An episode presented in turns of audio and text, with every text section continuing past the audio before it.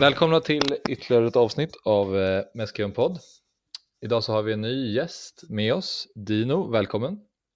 Tack så mycket, tack så mycket. Eh, du har ju skrivit på Svenska fans nu i, hur länge blir det?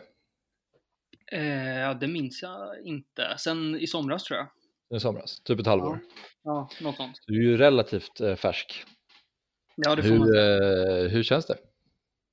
Det känns bra. Det är kul. Alltså det, man får liksom dyka djupare i sitt supportskap. Mm. Alltså, Mm. innan, innan så kollar man ju matcher och sådär, men nu får man verkligen sätta sig in i och hålla koll på allting som händer när man ska skriva svepen och sådana grejer. Mm. Så att Mm. det, det har varit kul och utvecklande. Så du kan ännu mer om Barca nu? Ja, exakt. Men det kan inte bli nog. Nej, exakt. Och eh, Ruben, du är som vanligt. Yes.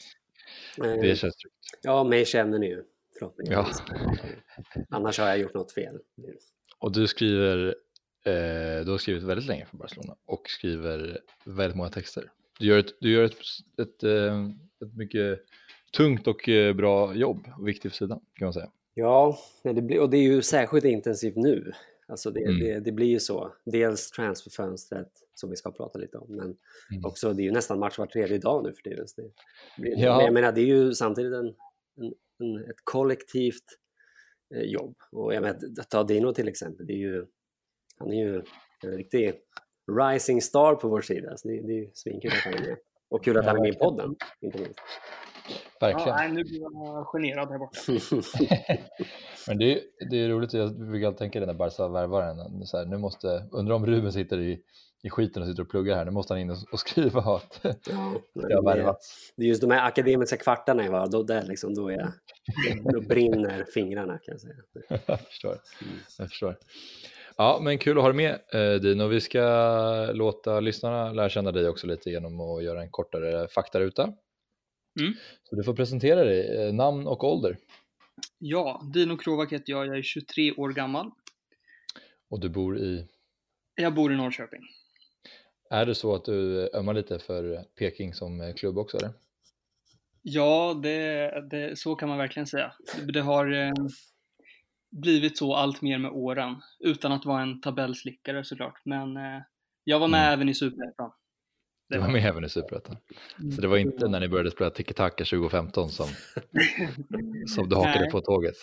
Nej, men däremot de två senaste säsongerna är första säsongerna som jag haft säsongskort. Okej, Innan har jag bara gått på toppmatcherna får jag ändå lov att erkänna. jag fattar. Jag fattar. Nej, jag är ju AIK och Ruben är väl Djurgården va? Ja, precis. Om något. Nej, men det är bra. Det här är en skön trio. Jag blir lite polemik. Kanske. Ja, eh, hur kommer det sig att du började heja på Barcelona? Jo, eh, egentligen det kan jag svara på med ett ord eller ett namn snarare och det är Ronaldinho. Och det Mm. tror jag inte är ensam om utan många började väl kolla på fotboll överhuvudtaget på grund av honom. Eh, och lite så mitt intresse för fotboll också väcktes. Men, Mm. han råkade spela i Barcelona så tyvärr går det inte djupare än så. Nej, nej. Det är djupt nog tycker jag. Alltså, det är Verkligen. verkligen tydligt att det är, det, jag menar Messi och alla den generationen av spelare i all ära, men det känns som att Ronaldinho var en katalysator för väldigt mycket och, för, och liksom Ja. en, en ingång för många, många supportrar. verkligen. Ja, ja, Mm. verkligen. Det är väl det man tycker är coolt i den åldern. Jag kan ha Mm. varit nio, tror jag. Och då är ju liksom, vad heter den, elastico-finten Mm. det coolaste man vet. Mm. Ja, nej, jag är ju 24 så jag är, vi, och du också Ruben väl? Mm. Så att vi är ju alla i samma generation och det var lite samma här. Jag, Ronaldinho var den första spelaren som man verkligen föll för. Ordentligt. Mm. Och Elastico-finten den tränar man ju på ofta på gården. För min del var det dock Rivaldo ska jag säga. Alltså, Okej. den sticker in där. Mm. Min, mitt cred-värde liksom. Lite, kanske en skjuts här. I, nu, nu, när jag tänker efter så var Ronaldinho var ju där. Sen hade jag ju även eh, Luis Enrique som min absolut första favorit när jag var typ sex eller något sånt där. Ja, Eh, men också Kluivert hade jag. Jag tänkte lite det, för du och jag är i samma ålder. Och du, du och jag har ju Ja. känt varandra länge och vi, Precis. ska vi säga det, jag och Axel var ju på vår första Camp Nou-match någonsin tillsammans för väldigt länge sedan. Jaha. Och då var, Mm. det var ju liksom innan Ronaldinho var den här djupt mörka perioden när vi, när vi slutade femma i ligan. Mendieta köptes in eh, spindel på mittfältet. Riquelme som nya tia. Det var ju Ja, Barca, vi såg ju eh, Barca- Barcelona via Real 1-0. mm, Riquelme på straff, yes. det minns man. Klassiker. Det var inte Messi-tider då Nej, inte. Ja, nej, så att vi går way back. Ja. Men eh, Dino, vem är din eh, favoritspelare idag? då? Jag antar att det är Ronaldinho då, men eh, Ja, fakt eller ja, då på den tiden var det väl Ronaldinho, men sen allt, alltså jag har haft lite olika, allt från Abidal till Iniesta till Messi såklart, det är svårt att komma undan, men mm. eh, om du frågar mig genom tiderna så är det Iniesta och idag, ja, alltså jag vill, ja, det, det blir Messi. Det är Mm. svårt att komma ifrån tyvärr. ja. Det är ett jävla rimligt svar ändå. Ja, så alla som hoppades på ett eh, mer sofistikerat svar ändå, än så, så ber jag om ursäkt. Alltså, det är ju, det är ju nästan så att det är, of- alltså, om man säger något annat så lurar man sig själv lite också. Ja. Faktiskt. Ja, det är ju ren lögn. Alltså, så är det ju bara. Ja. Eh, ja, eh, bästa Barcelona-minne? Mm, här har jag ju, det här har jag fått svara på en gång innan, så de Mm. som har varit inne på redaktionssidan på Svenska fans eh, vet säkert det här. Om man har lagt det på minnet, tveksamt. Men det är Champions League-finalen 2011 när Abidal får, får lyfta bucklan helt enkelt. Trots att han Mm. inte är kapten. Den våren som var, alltså med hans sjukdom, att han kämpat sig tillbaka och kommer tillbaka. Det är ja, fantastiskt. För mig är det också personligt eh, på det här planet också. Så att det Mm. var, ja, det var något alldeles extra. Och en jäkla fin match, eh, den matchen. Ja, det är med såklart. Mm. Nå, det var ju då de alla var som bäst nästan var känslan. Det blev 3-1 va? Precis. Tre- mm. Ja, eh, kul. Eh, Yes. Bra svar. Eh. Ruben, har du något eh, du vill tillägga? Någon eh, sågning eller hyllning? Just det, fram med sågen. Nej, men, nej, jag, jag, jag, inte, jag såg den här dokumentären Take the ball, pass the ball som The Guardian har gjort och då, då är det ju ett långt segment med just Abidal och den, hela den sekvensen. Mm. Det är ju verkligen, eh, men det var det redan då men, men det är ju tårdrypande. Alltså, verkligen. Ja, Nej, det är ett, eh, ett bra svar tycker jag. Jag har fortfarande inte sett den, jag måste verkligen göra det. Mm. Är, var det en, eh, är det fem av fem eller vad? Nej, det ska jag inte säga, men, men eh, det, det är ju ett fint, alltså den, den, det är inget nytt ljus under solen liksom. Den, den, den eh, men den är ju, jag tycker på, på, liksom på rätt sida av gränsen till, till liksom sentimentalitet, men, men ett, ett fint porträtt av det man redan vet helt enkelt. Sen är det inga, inget, inget nytt under solen. Mm. Jag förstår.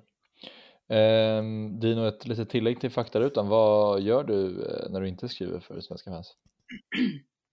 Eh, jag jobbar på ett IT-företag Mm. som eh, har ett lojalitetssystem kan man säga. Får man göra reklam här? Självklart, kör. Ja. Revide och Voyado. Europas bästa lojalitetssystem. Okej. Eh, nej, där är jag teknisk projektledare, Mm. kan man väl säga.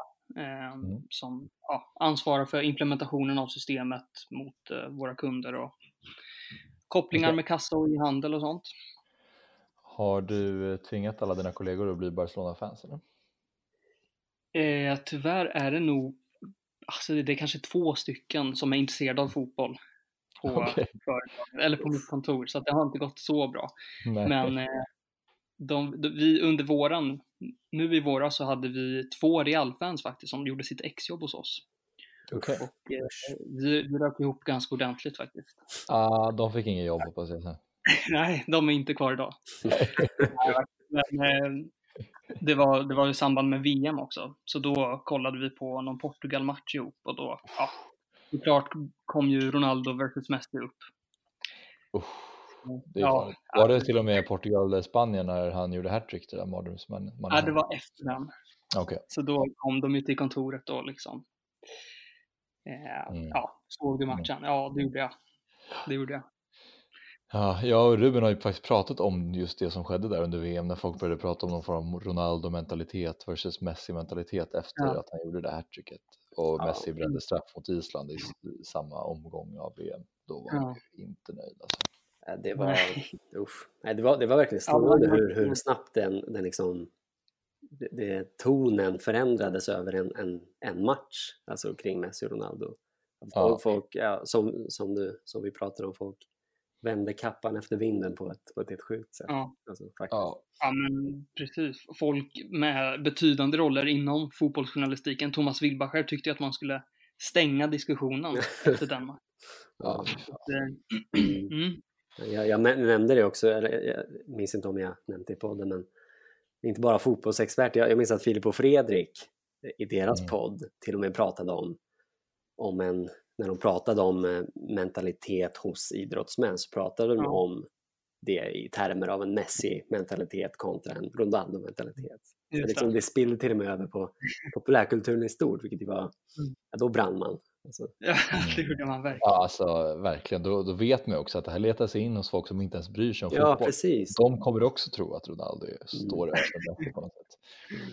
Ja. Men eh, Ruben, eh, jag vet inte om vi har gått igenom det med lyssnarna heller, men fakta utanför dig, vad gör du när du inte skriver för Svenska fans? Jag pluggar eh, Mm. till psykolog.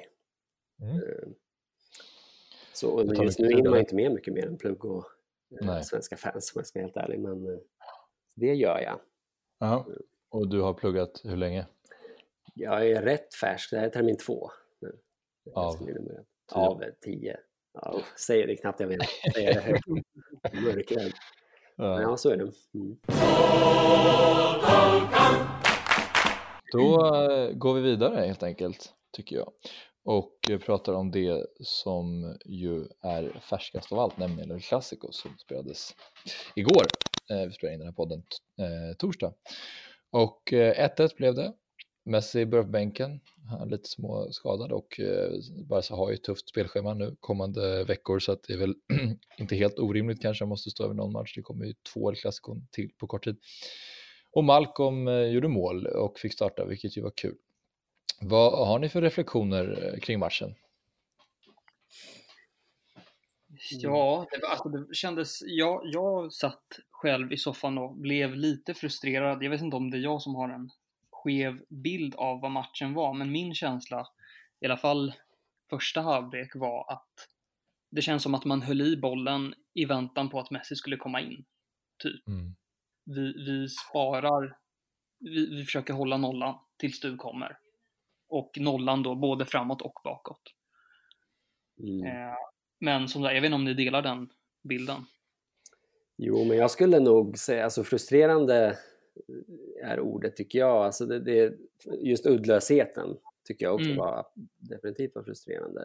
Och ganska påtaglig, alltså på planen men också nästan kring läktarna. Så där. Det kändes verkligen som att eh, eller, påtaglig uddlö- uddlöshet. Absolut. Ja, ganska tam match generellt var väl känslan och jag håller med dig Dino att eh, det känns ju alltid nästan lite så när Messi inte är på plan att man väntar. Alltså, spelarna är väl så pass liksom vana vid att eh, han kommer finnas där när det behövs och eh, det brukar lösa sig. Som till exempel matchen innan mot Valencia när de låg under med 2-0 och det blev 2-2 han tog tag i det i princip själv. Liksom. Så att det finns ju någonting där och de, låg ju dessutom under också med 0-1 väldigt tidigt. Så att, eh, Mm. Nej, och Coutinho kan man inte direkt förlita sig på, eh, så att säga. Så att, Nej. visst, och Suarez är lite upp och ner.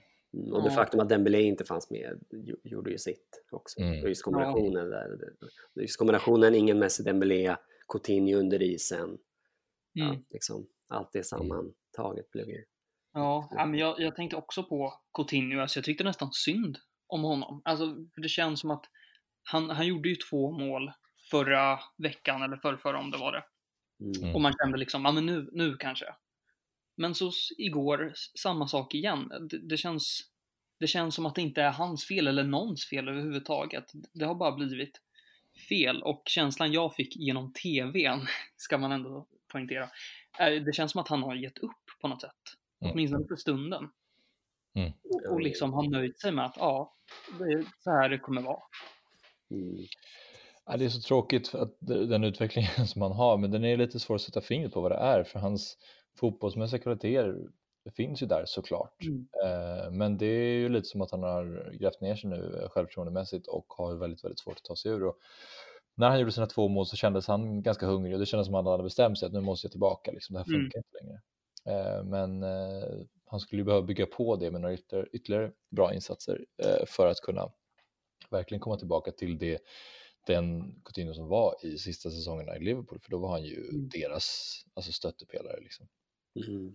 Och till och med i slutet av förra säsongen tycker jag, då, det, var inte så att han glänste då heller, inte tillräckligt mycket i alla fall, men då fanns det en sorts ja, påhittighet, en, en, en energi kring honom tyckte jag. Mm. Nu känns han, han känns ju påtagligt tung. Alltså, det, det, är mm. möjligt att man läser in för mycket nu i och med att han är så ur form, men, men alltså jag tycker att han ser han har aldrig varit någon Dembélé på, på sträcka men han, han ser ju ganska seg ut alltså, kan jag tycka. Mm. Och sen tycker jag det är tydligt att, du är inne på det Axel, att, att det har satts i huvudet på honom.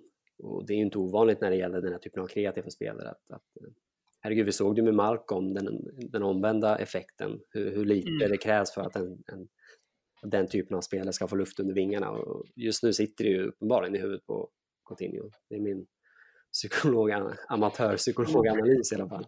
Hur tycker ni att man ska hantera situationen då?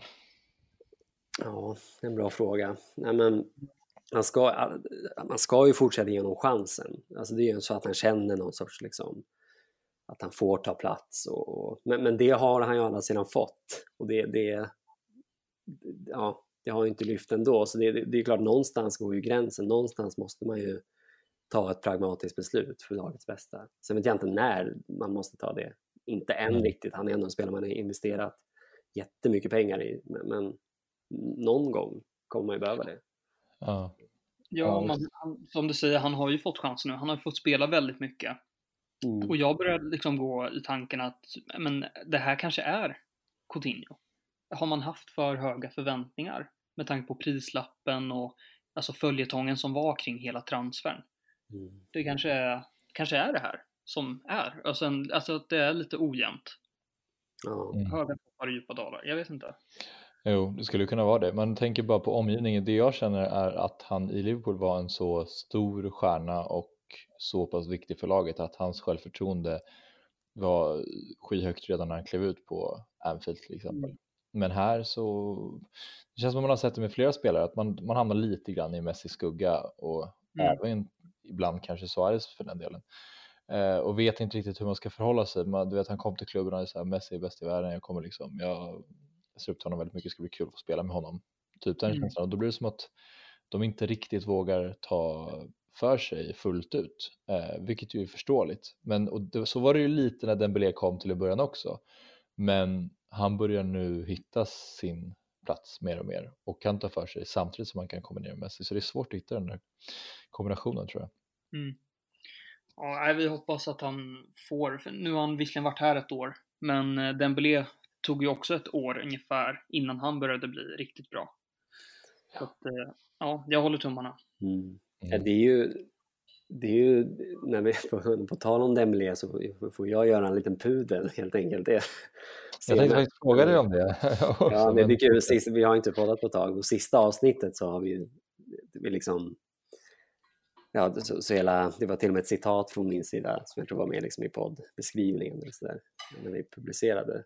Så liksom, jag är redo att sälja, jag tycker vi ska sälja. Så, jag liksom avsnittet heter ju Jag tycker vi ska sälja. Ja, och det har liksom följt efter mig som en skugga. Men, men, men, det, men nu känner man ju nästan lite samma sak med, med Coutinho, att kommer det tillräckligt stort bud så ska man ändå umgås med tanken att, att sälja honom. Det, det är klart, att det, precis som med, med den blev det lätt att vara för snabb på bollen där kanske, men det, det, det är svårt att inte umgås med någon typen av, tankarna. Så är det ju, men då får man väl, eh, jag håller ju helt med just nu så vill man ju nästan att eh, få tillbaka några pengar och hitta något rimligare.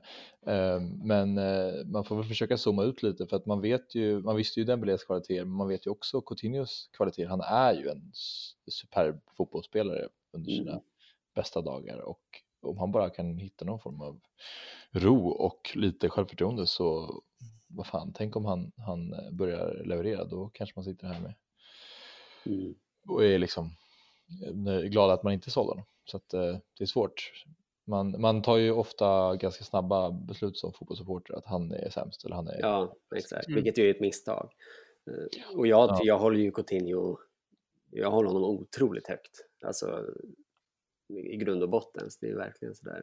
Ja. Han drar sig ju i håret här. Alltså, Jag minns när, vi, när, han, när det ryktades om honom så pratade vi i podcasten om att det vore en perfekt värvning för Barcelona. Han vore hand i handsken, i alla fall jag tyckte det. Han kunde spela som kanske tia och även som ytter och det fanns många olika platser för honom. mm. Nej, jag och, höll eh, ja, precis. Och så man var ju verkligen där och nu känns det ju som att hur, vad, vad, vad ska han ta vägen någonstans? Och förra säsongen kunde man ju ofta lägga det på att han spelar höger mittfältare i Valverdes 4-4-2.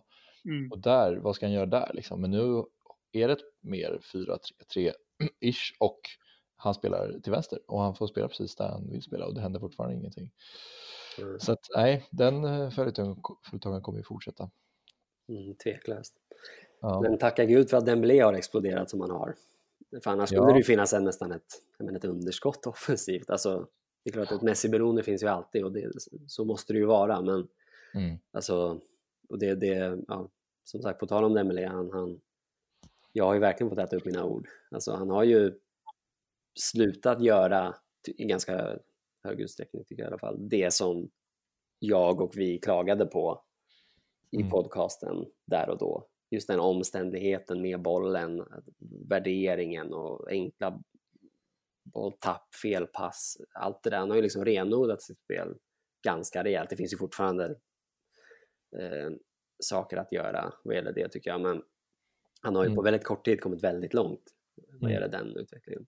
Och jag menar, han är ju, alltså en mot en är han ju farlig. Alltså det är, man sitter verkligen och tappar hakan ibland, alltså vissa grejer han gör. Det är, Hans mål mot Tottenham var ju extraordinärt. ja, usch, han är så jävla snabb. Alltså, Mm. Också hans dubbelfotade, han är så dubbelfotad och är, han är hal. Alltså, usch. När det går fel för honom då blir han ju en Delofeo att han inte vet själv vad han håller på med. Mm. Men eh, när det blir bra då blir det ju riktigt bra. Mm.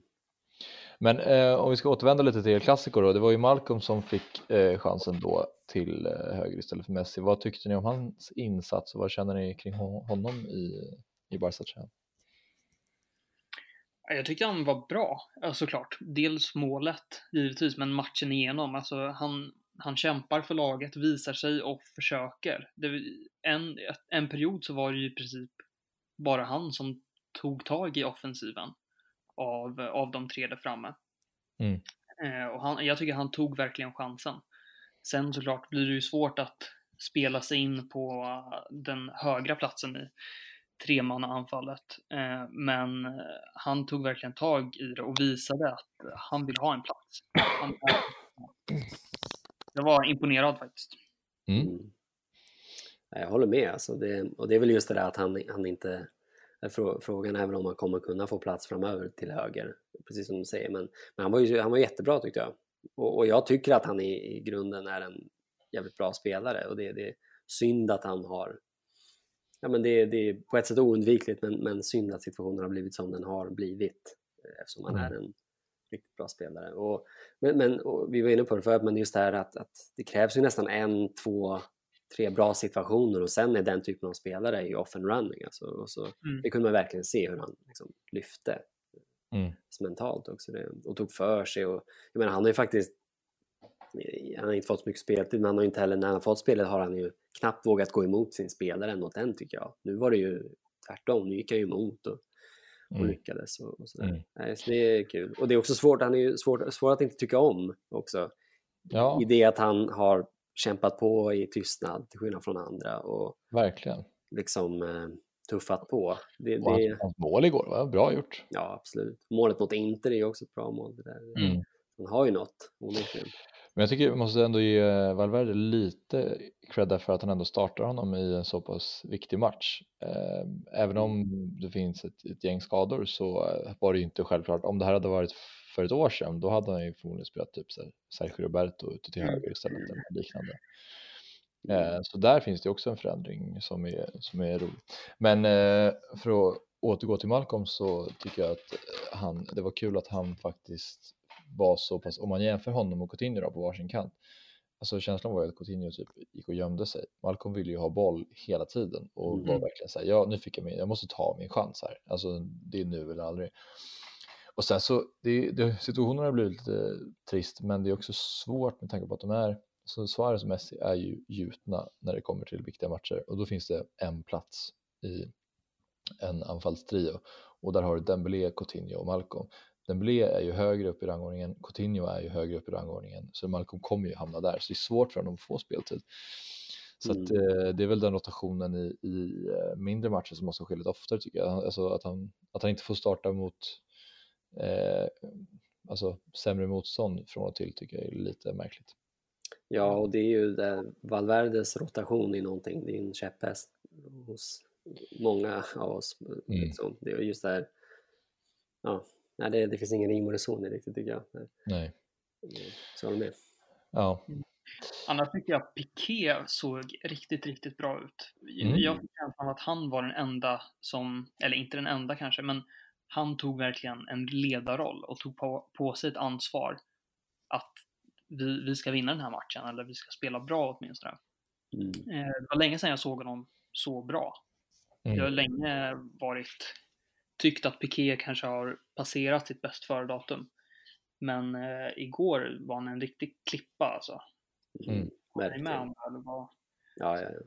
Otroligt bra. Alltså. Och han är också så bra med bollen. Alltså, det, det är han ju alltid. Men jag tyckte det var så tydligt igår vissa moment när han, han vänder upp med insidan nästan på en femöring. Liksom. Han, Mm. han är, just det. hans bolltrygghet har man för given eh, ibland. Eh, alltså, Mm. Men med, med Någon gång försvarsmässigt. Vinicius där som han var Mm, fin. Verkligen. Det är ju en, en egenskap som är otroligt viktig. Och det tycker jag Lenglet också har ju, har ju gått in och han märks ju inte så mycket men, men just det faktum att han inte märks eller har märkts är ju det bästa betyget han kan få. Ja. Alltså, det har ju verkligen skett omärkligt där. eh, Faktum Han hamnade ju lite på efterkälken på målet, men det var ju också för att Alba helt missbedömde den bollen ja, som gick mot eh, Benzema va, var det. Men, eh, så, men jag håller verkligen med. Generellt så har han varit jättebra. ja han, det, han är ju inte perfekt men, men, men liksom han är ändå väldigt ung. Man, man nästan glömmer hur ung han är och det, men det Ja, skulle kunna vara gammal är han? väldigt... Ja, men, vad är han, 21? Ja, just det. Kanske Det, det det är inte mycket. Ja, nu, nu kanske jag har fel men han är ung. Jag kollar upp det. Mm. Så han Visst, han är inte samma ja. Ja eller 23, 23. 23, fortfarande. ganska fel. Ganska fel ändå. Hade jag. Han är också ganska ung, Ganska ung. Ja. man säga. Mm. Sen eh, Semedo var ju, vi måste ju också lyfta Semedo snabbt innan vi går vidare. Mm. Otroligt bra. Han, han är ju, jag är väldigt svag för honom också. Han har ju, det var ju länge när, när jag menar, vi, vi älskar Sergio Roberto men, men han har ju inte den där flinkfotheten som han, som han väldigt länge efterlyste. Sen, ja, men egentligen sen Alves stack. Man älskar ju inte, man älskar ju inte Sergio Roberto för hans fotbollsegenskaper. Nej, alltså, han har ju något i och för sig. Alltså, men nej, det, ja. Jo, jo. Han är ju, han Mr. Remontada såg jag någon kalla honom. Ja, exakt. Det är remontada-målen och lockarna. Det Ja. Ja, Men jag tänkte på det, apropå Semedo bara, för det här var ju en av hans bättre matcher i Barcelona-tröjan, tycker jag i alla fall. Mm. Jag funderar på vad det kan bero på. Alltså det är klart, men jag funderar på, kan det vara för att Messi inte spelade? Alltså att det, att det finns en annan... Jag menar, Malcolm kämpar ju hem mer än vad Messi gör. Och släpper väl fram Semedo på ett annat sätt kanske. Mm. De hade ju ett väldigt bra samarbete de två mm, det hade de. som jag inte, jag vet inte, det kanske kommer där med Messi, men det känns, Messi söker ju ofta andra ytterbacken på andra kanten. Mm. Eh, Ja. Och Messi Ja. vandrar ju planen också så man får, får inte, Ja. nu tänker jag högt här men han får inte heller Ja. den där samarbetspartner riktigt på det sättet. Nej. Men Sen tycker jag i och för sig att hans, hans just, just det här spelet när han har bollen och sättet han gör bort sina motståndare på, alltså utan hjälp av Malcolm, är, Mm. det var det mest iögonfallande, alltså, tyckte jag. Han, han har ju Ja. den här nästan, nästan patenterande tvåfotsfinterna med sulan istället för Ja. insidan kör, gör bort sin... Den har man ju Mm. nästan aldrig sett förut. Han, han, gjorde den liksom fem, sex gånger om. Nej, han är mysig. Han har fan eh, riktigt bra fötter. Mm, verkligen. Sen tycker jag han kan gå emot ännu mer. Alltså, det, det är den enda sista lilla pusselbiten egentligen. jag kan tycka att han, han är ju så snabb och, och uppenbarligen så teknisk. Att Mm. han, han går väldigt sällan emot sin gubbe. Alltså, med tanke på hur offensiv man får vara i Barcelona så jag tänker att han skulle kunna faktiskt ja, gå emot och göra bort sin gubbe eh, Mm. emellanåt. Mm, nej, jag håller med. Men vilken eh, icke-match det blev på något sätt. Alltså 1-1, eh, det är liksom ingen som, alltså nu är det bara vidare till nästa, eh, är känslan. Det var, den, den, den matchen ställdes av på ett konstigt sätt för den lev, kuppen lever ju i allra högsta grad nu. Alltså Real har ju inte varit bra så att på något sätt så känns det som att det är inget superresultat. Liksom. Mm. Men, jag tycker eh, ändå att, att med tanke på att Messi var halvskadad mm, så, så tycker jag det, är, alltså det, tog, det tog emot att erkänna. Men jag tyckte redan inför att det var rätt att vila honom då. Med Ja. tanke på att det är ett dubbelmöte och med tanke på att det är Champions League på, eh, inför tröskeln. Ja, liksom. ja. Så jag tycker Ja. ändå det var rätt. Om än Ja. väldigt frustrerande. Alltså, Jo, absolut. Ja, ja, ja, det håller jag med om. Jag tycker också han Mm. skulle vilas, men jag känner de, de elva som spelade, det var lite så här, det var bra från och till, men det kändes lite lojt. Jo, jo. Men jag kan ändå tycka att det finns, för jag håller uddlösheten var ju påtaglig, men jag kan ändå tycka att Barcelona gjorde en relativt bra match med bollen. Alltså Mm. det tycker jag de har varit hela säsongen. Eh, Och egentligen, eh, jag menar, under Enrique så var ju, det var ju liksom, det gick ju inte, vi kunde ju knappt spela upp bollen från backen alls. Och nu den här säsongen har vi ändå hittat tillbaka till ett bra grundspel med bollen. Mycket tack vare Arthur såklart. Men det, det är ändå, det tycker jag var, det har varit bra, det var ändå okej i den matchen. Alltså själva liksom Mm. byggnaden. Jo, jo. Det som eh, angående Messi känns ju verkligen eh, rimligt att eh, vila honom också just för att nu har Barcelona vunnit Copa del Rey fyra år i rad va? Och Mm. eh, det kanske är dags att sikta mot lite högre så att hellre att man vilar honom och prioriterar Champions League såklart än att man tar en, ytterligare en Copa del Rey-titel eh, Mm. på bekostnad av CL. Vi lämnar El Clasico och eh, blickar tillbaka lite mot det som har varit under den här vintern och kollar på alla transfers in och ut. Det har ju varit en del ändå. Eh, en chockvärvning, Kevin Prince Boateng, som visserligen den typen av värvning kanske inte var någon chock, men att det just blev Kevin Prince från Sassuolo, 31 år gammal, var ju lite av en chock. Eh, Jean-Claire Todibo, Todibo, hur man uttalar det, franskt. Eh, fransk mittback, 19 år, från Toulouse. Mm. Spännande att se honom. Murillo kom ju i december eh, från Valencia, någon form av backup mittback är väl tanken, han har inte gjort så många minuter. Och, men eh, sen har vi ju också, innan vi går in på kanske ädelstenen så att säga, så är det ju också eh, Emerson från, eh, var det Santos han värvades från? Ja, så det där har nästan undgått mig lite grann. Vad var hela... Jag har varit så stressad, så mycket annat med Barca den här tiden. Ja, det... Ja, Men det är något sorts delar, delägarskap, eller? eller? Ja, han ska väl till Betis under våren, eller hur är det? Alltså han ska ju, eh, under våren vet jag inte, det, så det kanske stämmer, men han, han tillhör ju Barca från och med juli 2019 som jag förstår det. Och då påbörjas kontraktet. Men eh, det är eh, vad jag har kunnat läsa mig till. Men har, har det kommunicerats av klubben? För då, har jag, då har jag verkligen missat det helt. Ja, men det finns på, på Barcas hemsida Ja, en, en artikel, en agreement with Atletico, Atletico Mineiro var det eh, för Emerson transfer. To join Barcelona 1 juli 2019, fem Mm. år. Men eh, ja, eh, han behöver vi inte prata så mycket om för han är så relevant än, men det blir spännande att se honom. Eh, Mm. eh, och som jag skrev i någon artikel att han, så, det står så på Barcas hemsida att han har liknats vid Dani Alves. Så att, det vore ju, High praise. ja, bet- Men sen har vi ju också Frenkie de Jong. Frenkie. som ju kanske är den som det har pratats mest om under eh, vintern. Vad har vi ut då innan vi börjar prata om eh, värvningarna? Vi har eh, egentligen är det väl Denis Suarez till Arsenal Mm. och sen Munir också va? ja, just det, Munir Mm. och eh, Paco eh, som nu är officiellt eh, såld va, till Dortmund eller? Just det. Ja. Ja, men inga jättestora förluster. Denis Suarez har inte fått jättemycket speltid eh, och han är ju på lån också så vi får se om han utvecklas. Men vi går in på det som har skett in och vi kanske ska ta dem lite grann i ordning så att det inte blir för rörigt. Men Kevin Prince Boateng-värvningen, hur tänker Mm. vi där? Ja, hur, tänker, hur tänkte klubben där? Nej, men det känns som att den värvningen fick så mycket skit innan någonting har, alltså han, han hade ju knappt landat i Barcelona innan alla dömde ut den. Precis som han gjorde med Paulinho. Och eh, även om vi pratade om Coutinho förut och jag sa att han kanske hade, hade gett upp så tycker jag ändå man ska vara försiktig med att liksom döma ut spelare på det här sättet innan de ens har gjort en minut för klubben. Och eh, sen det är ju klart att Prince eh, är ju väl en panik, ett paniklån.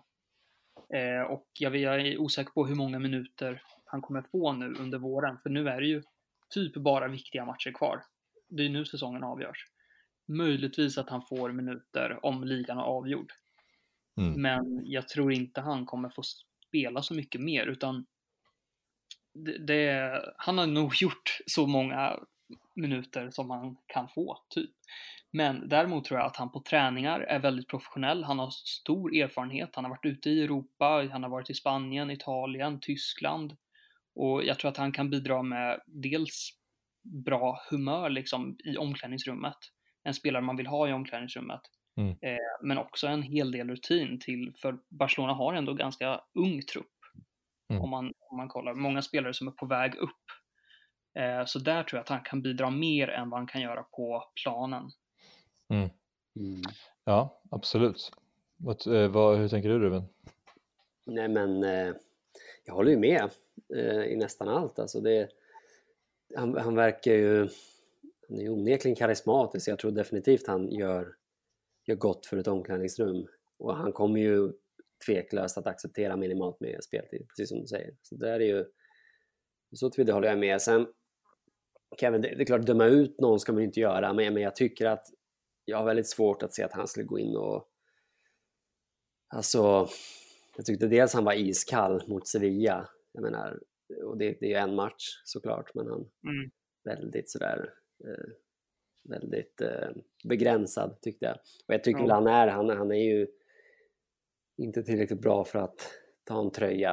Eh, och jag, kan, jag, jag såg på hörde Martin Åslund prata om och han var rätt positivt inställd, precis som vi, precis som du är, precis som jag också är, av samma skäl. Men, men han pratade ändå om någon sorts spelförståelse och att han ändå kan vara tillräckligt bra för att spela den väldigt, eh, väldigt eh, liksom begränsade rollen som han kommer att spela. Mm. Där känner jag mig lite mer tveksam, alltså jag vet inte om jag kan inte minnas när jag såg Kevin Prince Boateng var bra senast. Alltså, och, och, men, men å andra sidan, och, och det är väl det som är poängen, att han kommer ju inte spela någonting. Och, och han kommer vara fine med det. Och på, på så tillvida är det en perfekt värvning. Ja. Ja, för att han skulle ju spelat om det var i Copa del Rey fast tidigare skede. Nu är det ju så pass långt in i turneringen att eh, där kommer han ju inte, han kommer ju inte spela i, i klassikot och sen kommer han ju garanterat inte spela i finalen, i alla fall inte starta. Och eh, CL så kommer man inte riskera det, det skulle ju vara i någon riktigt eh, taskig ligamatch, men det är tveksamt det också. Mm. Så att eh, nej, men jag tycker dock inte så här, jag, jag, nu har inte jag sett honom, det har ju gått lite rykten om att han var ändå helt okej okay, Sassuolo den här säsongen och han gjorde fyra mål på 13 matcher i något bottengäng så det är väl okej. Men jag såg också honom mot Sevilla där, fick hoppa in från start direkt och eh, jag tycker jag tycker inte att han var iskall, men jag håller med dig Ruben om att han kändes ganska begränsad. Alltså han, han skulle ju inte göra ett mål på egen hand, så det, det finns ju inte riktigt. Så var ju känslan. Däremot tyckte jag han var ju bra i targetspelet och kändes eh, solid i, i de bollar han fick. Eh, så. Men eh, sen gjorde ju bara sen en riktig platt match då också, så att Mm. hela laget var ju lite under isen. Känns som han var väldigt just taget spelet för det, det känns som det är hans, hans enda resurs lite grann. Mm. Där var just att han är tillräckligt krallig för att kunna liksom stå upp och, och du vet och det gjorde han ju hyfsat bra men det känns ju också ja, det är klart ska det är en uppspelspunkt ja men det är, Suarez gör ju det bra och det är ju viktigt emellanåt så, så helt meningslöst är det väl inte men, men eh, just det här djupledshotet som, som ändå de allra flesta Barca-upplagor behöver eh, Mm. från en nia har han ju inte. Alltså, det, Ja. Ja, men det känns som att eh, möjligheter till minuter skulle finnas om man jagar en ledning. Liksom. Man ligger under i 80 minuten. Då kanske man slänger in honom. Bara för Mm. att se vad som händer. Mm. Eller om man typ leder med 4-0 i 80 minuter och låter Suarez vila lite. Ja, ja men det också. Han har ju en förmåga, du, du är inne på något där Dylan, han har ju en förmåga att, lite som så här John Guidetti har lite grann, en, en ansträngd jämförelse, men att det händer grejer kring Kevin Nej men det är Prince. sant faktiskt. Han har den där, den där väldigt, väldigt outgrundliga egenskapen. Att det liksom, Mm. han har ju maximerat sin karriär så, nästan på det sättet. Det liksom, Verkligen. Ja. Verkligen, nej jag håller med. Um, Frenkie de Jong. Frenkie de Jong. Frenkie de Jong. Ja, Vad alltså, nej men det är ju, vi har ju pratat om honom rätt många gånger här i podden. Mm. Eh, liksom alla andra. Eh, Det har vi, men, men då har han inte varit klar. Nej, det är sant. Och jag menar, det är ju, jag, jag eh, jublade halvt när, när det blev klart faktiskt. Mm. Just med tanke på att det, eller dels med Mm. tanke på att han, han är han, men eh, dels med tanke på att PSG ju var så nära hans signatur. Så det Mm. kändes ju härligt att få knappa honom på näsan lite grann. Men, nej, men jag, jag tror ju stenhårt på honom, alltså, som bekant. Eh, jag, jag, jag tror att han är på riktigt. Och det är möjligt att man har lite för högt ställda förväntningar. Men det är liksom, den smällen är jag redo att ta i så fall. Jag, jag tycker verkligen han är bra och jag tror han kommer passa som ha- handen i handsken. Eh, det enda frågetecknet är pengafrågan. Alltså just hur, ja, men vem ska vi sälja? För jag förmodar att någon kommer att säljas. Eh, Eller jag utgår från att det är en, Mm. Mm. Alltså det kommer behövas i och med att han kostade så mycket. Men annars är det ju bara tummar upp från min sida. Mm. Min enda farhåga är lite så här, det är en ung spelare, han är från Holland och då, bara där jublar ju folk. Ehm, Och att han har fina fötter, han har bra driv och då är det ju en talang som pumpas upp eh, något rejält. Alltså som jag hörde Sam Larsson säga, någon, eller han sa någonting om att det var så här, ja ah, men så fort man är från Ajax så blir man hypad liksom, det finns inget annat. Eh, och, lite, och nu är det klart att vi, så här, folk har ju sett honom spela, det är inte så att man bara går på känslan, utan han har ju uppenbarligen en, en, en han är väldigt talangfull. Men min, det jag tänker är att många vill ofta ha någonting, man vill ha någonting yngre, man vill ha någonting nytt, det är spännande och folk börjar klaga på Rakitic, han är gammal, han är trött, det, det händer inte så mycket. För mig, om man jämför de två spelarna, de är lite olika men har också vissa kvaliteter som är ganska lika. De, de är bra på att driva boll, de flyttar boll eh, ganska snabbt, de har fin passningsfot. Eh, de Jong kanske har lite finare fötter. Men det, det jag menar och det jag ska komma till är att jag tänker att många nu tror att wow, vi kommer få in honom, mittfältet kommer vara liksom en dans på rosor. Jag tror inte, i alla fall inte till en början, att han är en sån enorm skillnad från till exempel Rakitic som har också erfarenheten. Att man kommer kanske lite för, hög, lite för högt ställda förväntningar och sen landar han i, i Barca i sommar och eh, till hösten så blir det så här, det blir ganska likt liksom. Om ni kan förstå hur jag resonerar. Ja, alltså du ska få gå in också Dino, men jag bara, bara snabbt sådär. Alltså ett, jag tycker att han är, alltså att jämföra med Rakitic tycker jag är taskigt mot de Jong, alltså faktiskt. Ja, men jag, jag, jag ser inte dem som samma spelartyp alls, alltså eh, faktiskt. Även Mm. om jag kan förstå liksom att de är spin, alltså mittfältsspindlar båda två så har ju, och du, du nämner det också att han har bättre fötter, men jag tycker han har, han har väldigt mycket bättre fötter. Och är ju, har ju Barca, det man, det man kallar för Barca-DNA tycker jag att de Jong har och det har jag aldrig tyckt att Rakitic har, även om jag tycker att Rakitic har gjort det bra till och från. Mm. Det har varit nyttig och sådär. Eh, sen håller jag dock med i det att det, eh, det här att ja, men man nästan hoppas naivt att de Jong kommer in och då ska det bli Guardiola-fotboll och det ska kunna vara offensiv balans och då kan vi ha Busquets, Arthur, de Jong på samtidigt. Det tror inte jag heller. För det, det, men det att spela med den typen av balans, det är ju nästintill omöjligt. Då ska man ha en tränare som Guardiola och eh, och det har vi ju inte.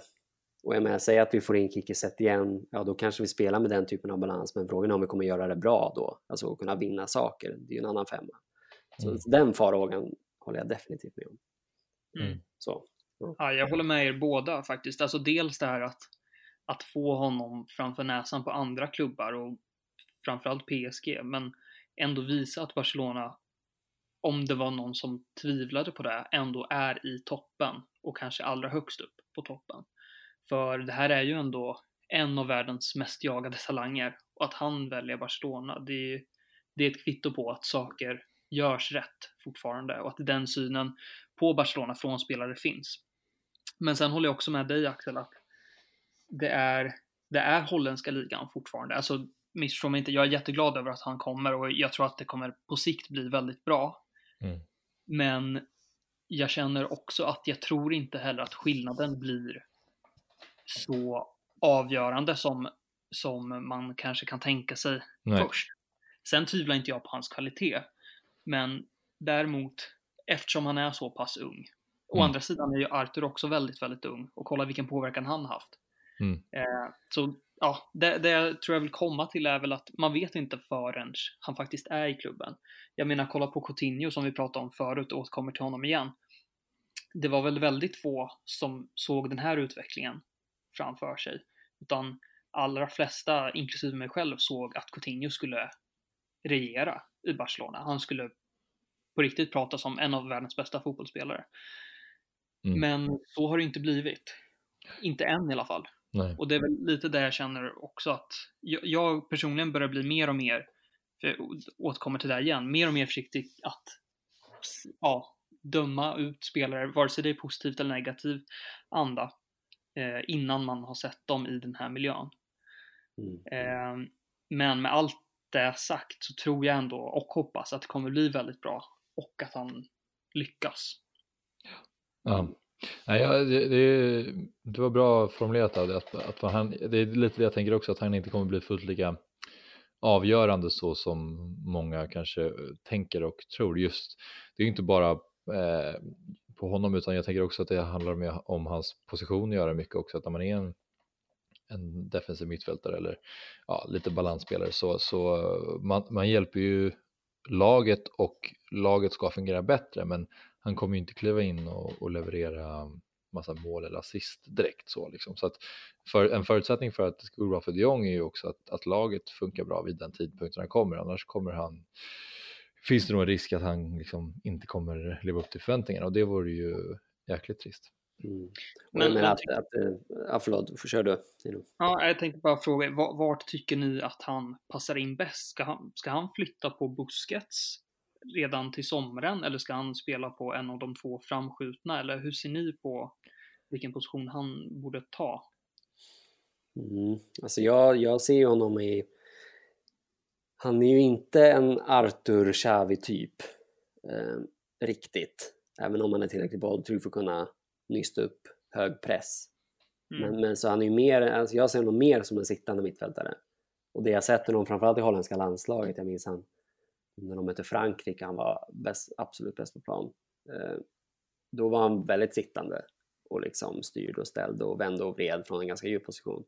Men han kan ju också gå, gå emot sin spelare, alltså bryta mönstret på ett sätt som inte Busquets kan. Så jag, så jag tycker det är svårt eh, Mm. att, att sätta in honom i ett fack. Men, men kort sagt så tycker jag väl att han kan spela på, jag tror att han kan spela på både den vänster inne mitt och sittande.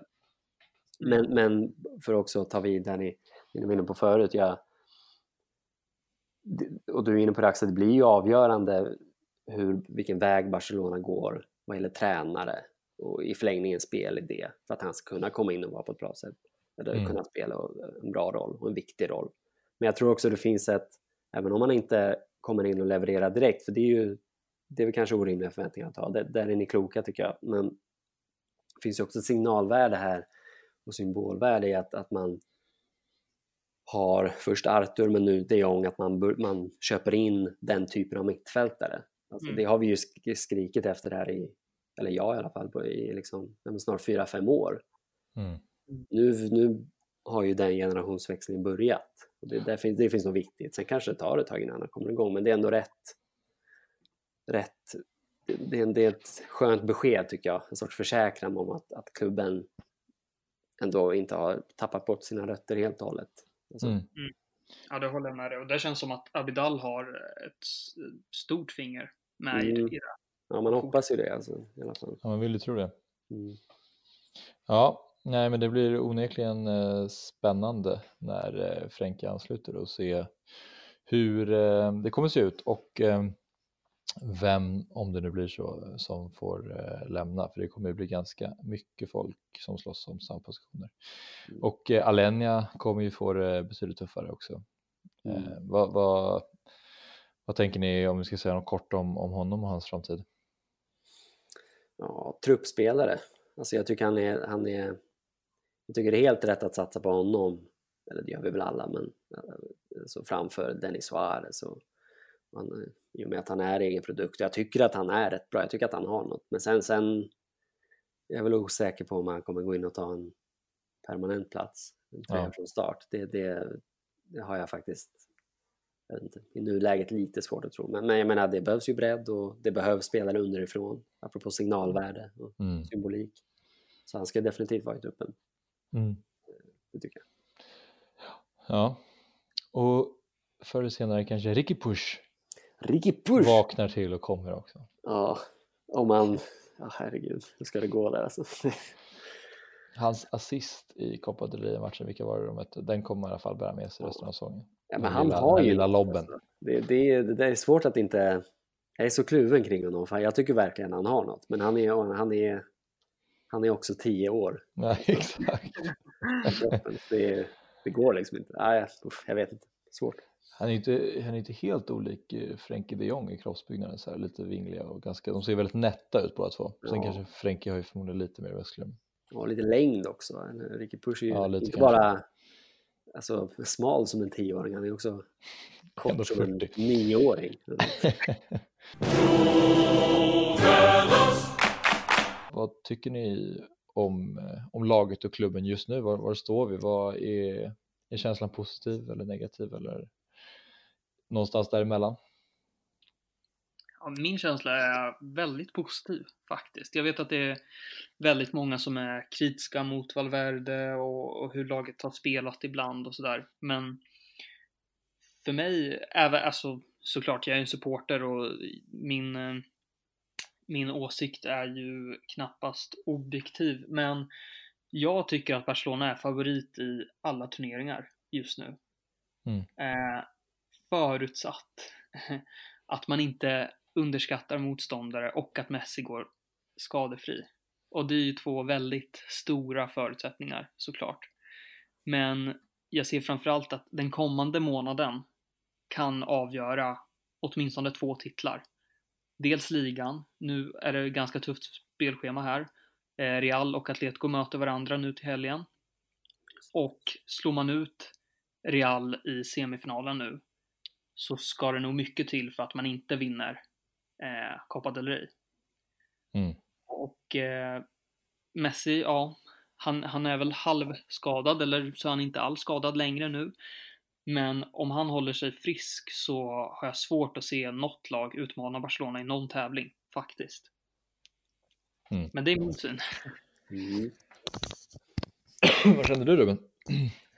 Ja, nej men vad gäller den här säsongen är jag väl hyfsat positiv också faktiskt. Alltså truppen är ju utan tvekan tillräckligt bra för att vi ska betraktas som favoriter i alla turneringar. Eh, jag, eh, till och med Champions League. Alltså jag, jag, eh, sett till spelarmaterial och sett till hur de andra lagen ser ut så tycker jag faktiskt vi är lågoddsarna där. Så jävla Mm. jinx där ja. ja men, usch. Men, männen. Eh, nej, men så, så ganska bra. Sen, sen tycker jag att Valverde eh, alltjämt är svår att få grepp om. Alltså jag, jag är rädd att det kommer att bli vårt fall. Alltså den här lite ambivalensen som jag tycker fortfarande finns rent taktiskt. Alltså vi var inne på det förut, jag tycker att spelet med boll ser tillräckligt bra ut. Eh, och det, det finns ju offensiv slagstyrka när Messi är frisk, som du är inne på Dino. Men just det här spelet utan boll. Alltså jag, jag, jag, det finns en finns ändå en feghet. Det tycker jag man såg igår på El Clasico i slutet av matchen. Man, man faller hem i slutet av matcherna. I pressspelet där, ja, det är ömsom högt, ömsom lågt. Det, det, vi är öppnare i spelet utan boll. Så, så det, det är min farhåga inför nu, men framförallt Champions League-hösten. Att tillräckligt bra lag kommer att, vi är för öppna. Alltså det finns inte, pressspelet är för dåligt. Alltså, och lite för, det är varken hackat eller malet. Mm. Eh, det är min känsla kring den här säsongen. Att det, och det kommer ju bli an, lite, det kommer kännas som ett antiklimax om det nu går käpprätt eh, eftersom vi har ett så bra lag. Så, så det kommer ju kommer svårt att svälja alltså om det blir så. Men, Mm. men vad fan, laget är tillräckligt bra. Truppen är absolut tillräckligt bra. Mm. Mm.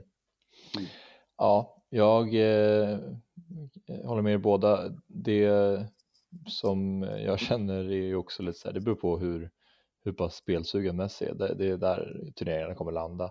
Hans eh, prestation Roma borta förra året i Zeeland, då gick han ner sig lite och då, då föll det ju platt liksom. Så mycket, oerhört mycket hänger ju på, på honom och hur han presterar. Och eh, CL just känns ju verkligen som det handlar ju bara om att formtoppa, formtoppa, formtoppa hela tiden eh, och lyckas ha lite, har marginalerna på sin sida och eh, det, är, bara- det är bara att hoppas att, alltså förutsättningarna finns ju där. Jag håller helt med dig Dino om att eh, alltså, truppmässigt så, tycker jag att Barca är absolut bäst och jag, jag tycker ju att vi borde eh, vinna Champions League med tanke också på hur de andra lagen går. Det känns inga, alltså både Liverpool och City i England är ju båda lite svajiga just nu. Real är ju jätteoklara och och i, i Tyskland så är det Dortmund som plötsligt är, går mycket, mycket bättre än Bayern München. Så det känns som att alltså La Liga är ju Barcelonas att förlora. CL är ju nästan också det känner jag. Det är ju lite att hårdra det, men någonstans där tycker jag att man ändå kan Mm. landa. Mm. Ja, de främsta utmaningarna till Champions League ser jag i alla fall som Juventus och faktiskt Atletico Madrid också.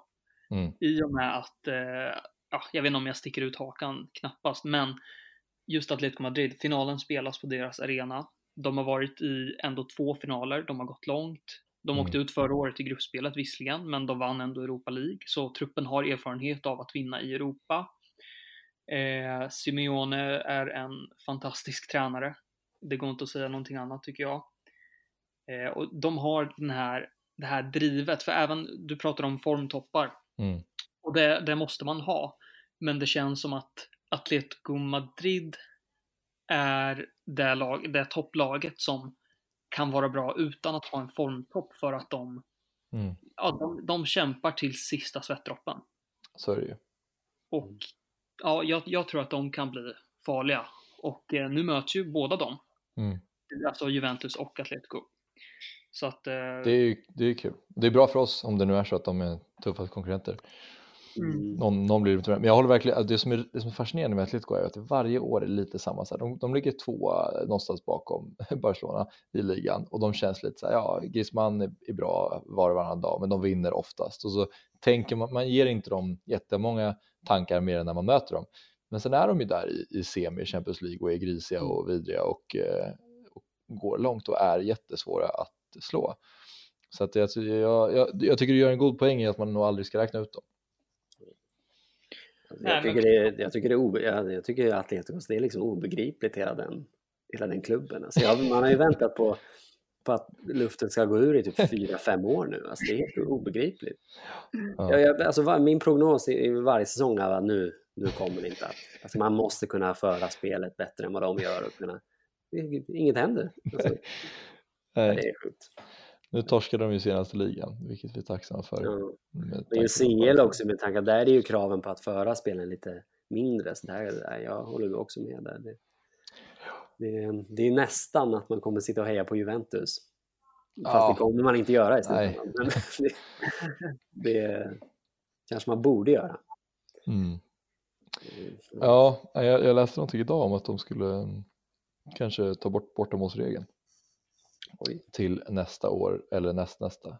Hur är det med VAR förresten? Det är med va? Nu. Ja, från och med slutspelet nu. Ja, så just kommer det. det. Då kan man sitta i soffan och göra VAR-tecknet.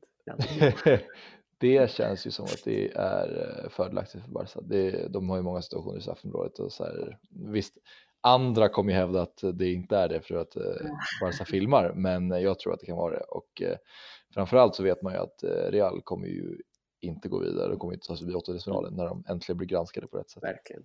Härligt. Ja. Exakt. Jag pratar, jag är inte alls färgad i det här alls. Nej, nej, nej, nej.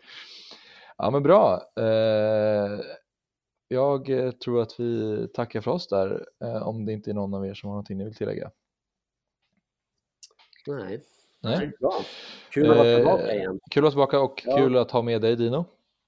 Ja, tack så mycket. Eh, vi får se till att det blir, ja verkligen, vi får se till att det blir fler avsnitt. Mm. Ja, det hoppas vi.